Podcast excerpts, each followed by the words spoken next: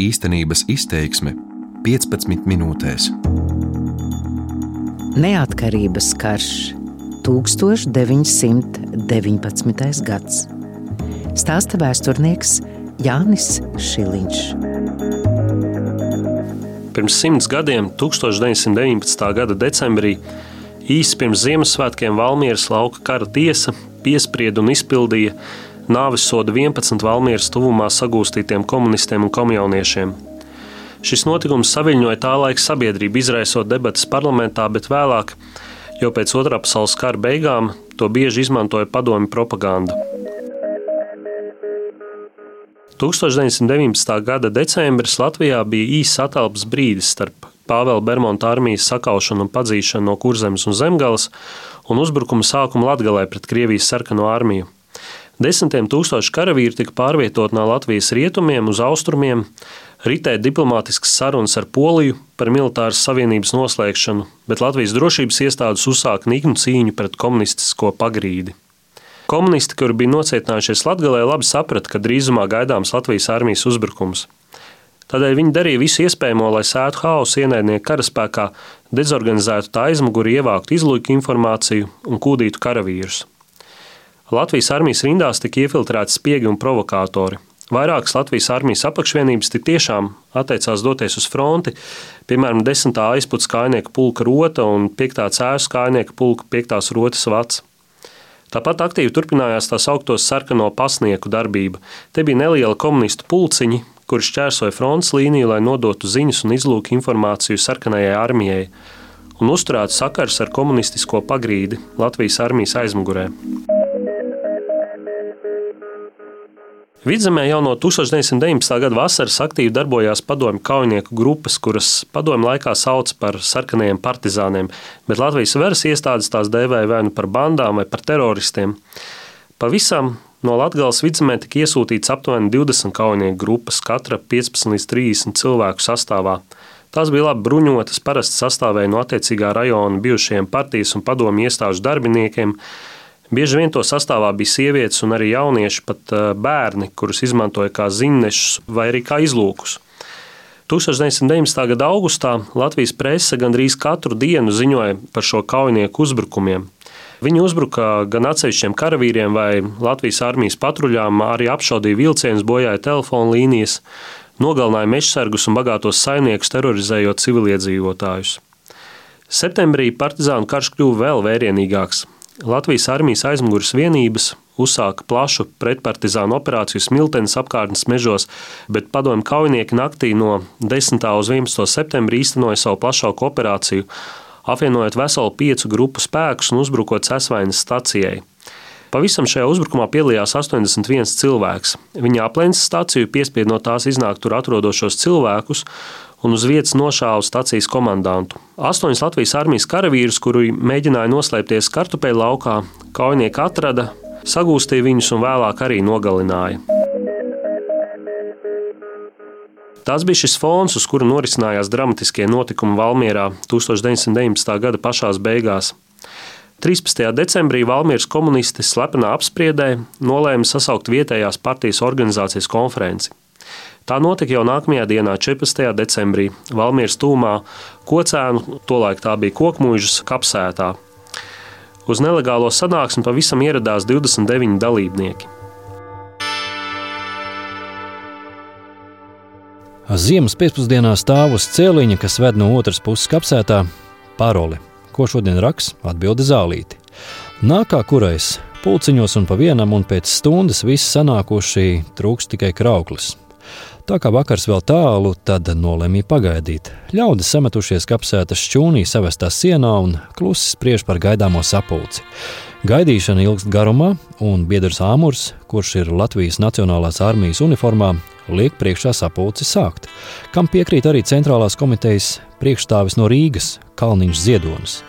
Visi sajiet šķūnī, paliekas viens uz ceļa gaidīt kraukli.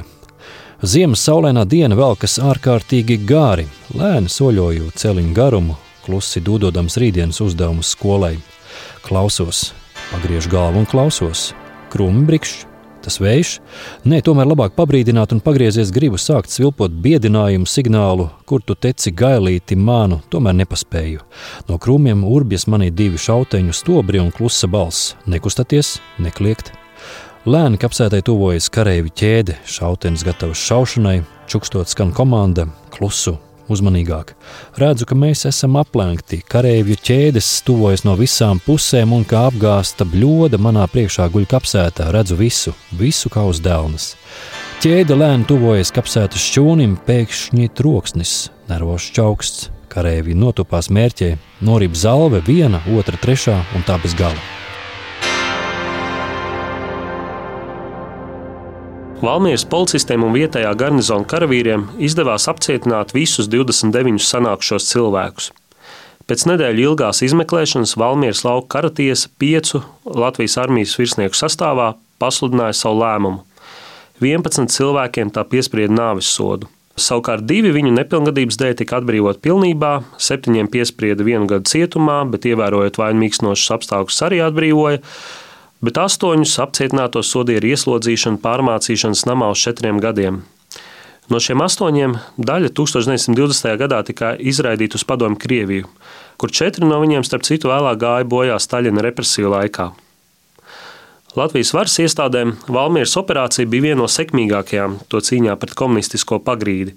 Kocēnu kapsētā bija izdevies sagūstīt vienu no tā laika latviešu komunistu līderiem, 34 gadus veco ilgadējo partijas darbinieku un Latvijas komunistiskās partijas centrālās komitejas locekli Jāni Ozolu ar sagvārdu Ziedonis. Viņa dzīvoklī Rīgā tūdaļ tika ierīkots slēpnis, kurā iekrita vēl kādi desmit komunisti. Kocānu kapsētā notvairā arī bijušo Bauskas apriņķa revolucionārā tribunāla priekšsēdētāju, vien 19 gadus veco Kārlu Leinertu ar sagvārdu Āmurs, kurš vasarā nelegāli bija šķērsojis fronts līniju un organizēja nelegālo partijas darbu Valmierā. Kristīna Krieviņa ar sagvārdu ģēģere bija Rūjienas komjauniete, kura 1919. gada sākumā bija iestājusies Valmieras brīvprātīgo bataljonā un padomu Latvijas armijas sastāvā bija karojusi pret Igaunijas armiju. Vasarā viņa ar savu vienību atkāpās uz Latviju, bet pēc partijas biedru izteikumiem viņai tur bijis garlaicīgi. Tādēļ jaunieti piekritusi kļūt par partizāni un kā aģenta kurjera tika nosūtīta uz vidzemi. Ar Valmieras komjauniešiem ir saistīti vairāki mīti, kas tika izplatīti padomu laikā. Pirmkārt, jau tikai četri no uz nāvi notiesātajiem bija valmierieši. Pārējie nāca no visdažādākajām vietām - Priekulas, Rīgas, Rūjienas un daudzām citām no Nogalinātajiem tikai viena bija skolniece, Johana Daņļeviča. Viņa bija arī vienīgā nepilngadīgā mūsdienu izpratnē, tolaik gan nepilngadību skaitīja no 21 gada, un veseli pieci kocēnos arestētie bija jaunāki par šo vecumu. Padomju laikā aizturētos mēdz dēvēt par nevainīgiem upuriem vai nepatiesi apsūdzētiem. Te gan jāsaka, ka bez jau minētajiem komunistiem un padomju kaujiniekiem Jāņa Ozola, Kārļa Leinerta un Kristīnas Krieviņas vēl trīs jaunieši bija iefiltrējušies Latvijas varas struktūrās un tādēļ varēja tikt uzskatīti par nodevējiem vai arī par ļoti bīstamām personām. Sevišķi tas attiecās uz Eduāru Kalniņu ar sagvārdiem Dzelksnis un Ķēncis, kā arī uz Jāni Tauriņu ar sagvārdu Čaris, kuris strādāja Vidzemes Latgales gūstekņu nometnē, jeb kā padomu laikā to dēvēja Valmieras koncentrācijas nometnē.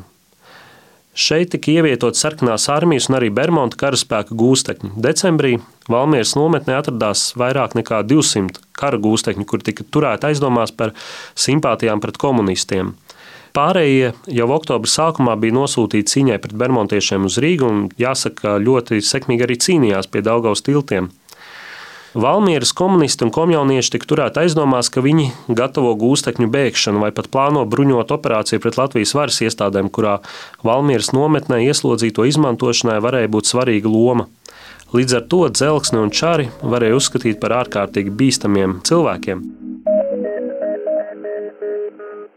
Lauka kara tiesas spriedumā visdiskutablākā šķiet četru sieviešu - Marta Sāboltiņas, Karlīnas Soldavas, Alvīnas Sērmulas un jau minētās Johannas Daņļievičas notiesāšanu uz nāvi. Viņas gan aktīvi atbalstīja padomju pagrīdniekus un piedalījās arī viņu sapulcēs, tomēr viņu dalība šajā kustībā šķiet drīzāk noteica piedzīvojumu kāre, romantiskas jūtas vai arī ģimenes ietekme.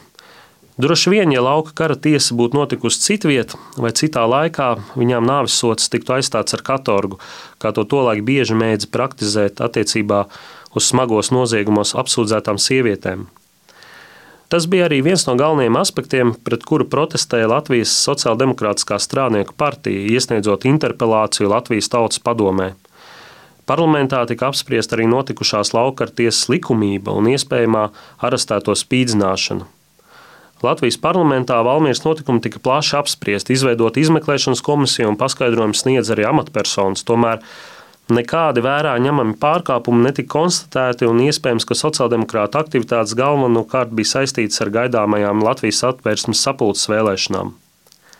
11 komunistu un komjauniešu nošaušana Valmierā, Karātau kalniņā izraisīja plašu sabiedrisko rezonanci.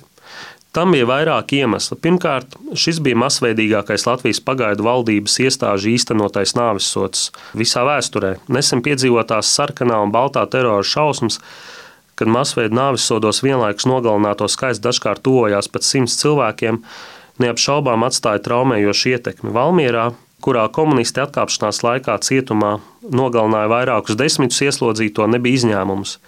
Ikvienam bija skaidrs, ka nedēļas laikā nav iespējams pilnībā un detalizēti izmeklēt tik nopietnas apsūdzības. Otrakārt, Valmiera atradās dziļā fronts aizmugurē, un daudziem pēkšņā Valmieras komunistiskās pagrīdes atmaskošana, masu aresti un nāvis sodi šķita šokējoši. Tomēr jāatceras, ka visā Latvijā tolaik bija izsludināts kara stāvoklis, un lai cik ļoti cilvēki ilgojās pēc miera laika dzīves, Latvija turpināja karot pret padomju Krieviju. Treškārt, nāvisoda izpilde notika pašā Ziemassvētku priekšvakarā, 22. decembrī, kas daudziem varēja šķist pilnīgi nepieņemami. Visbeidzot, nogalināto vidū lielākā daļa bija sievietes. Protams, 1919. gads bija radījis biedējošo plintnieces, tas ir bruņotas un nežēlīgas komunistas tēlu, un ne padomi, ne vācu varas eh, iestādes savās politiskajās represijās nesaudzēja sievietes. Tomēr Latvijas republikai, kura deklarēja sevi par demokrātisku un tiesisku valsti, bija jāpiemēro augstākas prasības. Nogalinātie komunisti un komjaunieši tika aprakti turpat netālu no nāvisoda izpildes vietas, Karātau kalniņā. Viņi tika apglabātas bez zārkiem, un viņu kapavietas iežogoja dzeloņstieples. Tikai 1920. gada jūlijā beigās varas iestādes atļāva nogalinātos pārabedīt, un šis notikums no jauna saviļņoja valmieriešus. Nošauto izrakšana un iezārkošana notika 24. jūlijā vakarā, bet pārabedīšana turpat Karātau kalniņā 25. jūlijā rītā. Uz šo notikumu bija sapulcējies liels ļaužu pūlis, Daļa no viņiem, kopskaitā ap 200 cilvēku, izlauzās cauri karavīru un policijas posteņiem, nesot divus lielus vainagus ar sarkanām lentēm. Katru vainagu nesa divas sievietes. Karavīri un policisti tika lamāti, un vēlākā ziņojumā tika teikts, ka pūlis ir bijis stipri uzbudināts. Bija ieradies arī fotogrāfs, kurš pretēji saņemtajiem norādījumiem fotografēja ne tikai radiniekus, bet arī sanākušo pūli. Zārku aprakšanas laikā cilvēki dziedāja revolucionāras dziesmas. No Valmieras apriņķa priekšnieka ziņojuma iekšlietu ministrijai. Beigās dažas sievietes histērijā kliegdams norādījušas, ka šie apraktie līķi esot slepkavu un bendes darbs, un dažu atsevišķu personu saucieni bijuši apvainojoši priekš valdības un tās ierēģiem.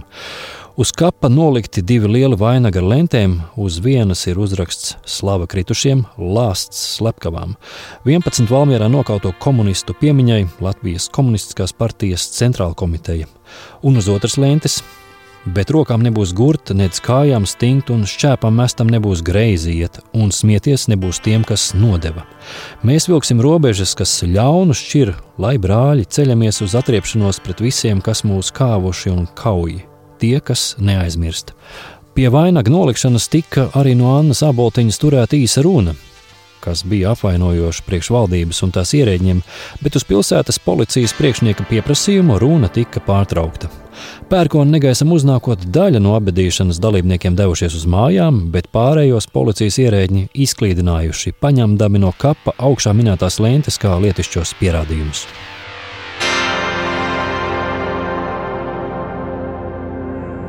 Pēc negājas izklīdinātā pasākuma noslēguma policija atņēma fotogrāfam osim viņa izdarītos uzņēmumus un lika parakstīties par attēlu neizplatīšanu. Turpmākos divus gadus decembra beigās spriedēs pie Karātau kalniņa nezināmas personas izkāra sarkanus karogus. Nespējot notvert vainīgus, 1922. gadā visas priedes kalniņa tuvumā tika nozāģētas. Tomēr atmiņas par baiso, bet vienlaikus arī pretrunīgo simts gadus seno notikumu turpināja un vēl ar vienu turpina dzīvot. Par notikumiem Valmjerā pirms simts gadiem stāstīja es, vēsturnieks Jānis Šiliņš. Īstenības izteiksme 15 minūtēs.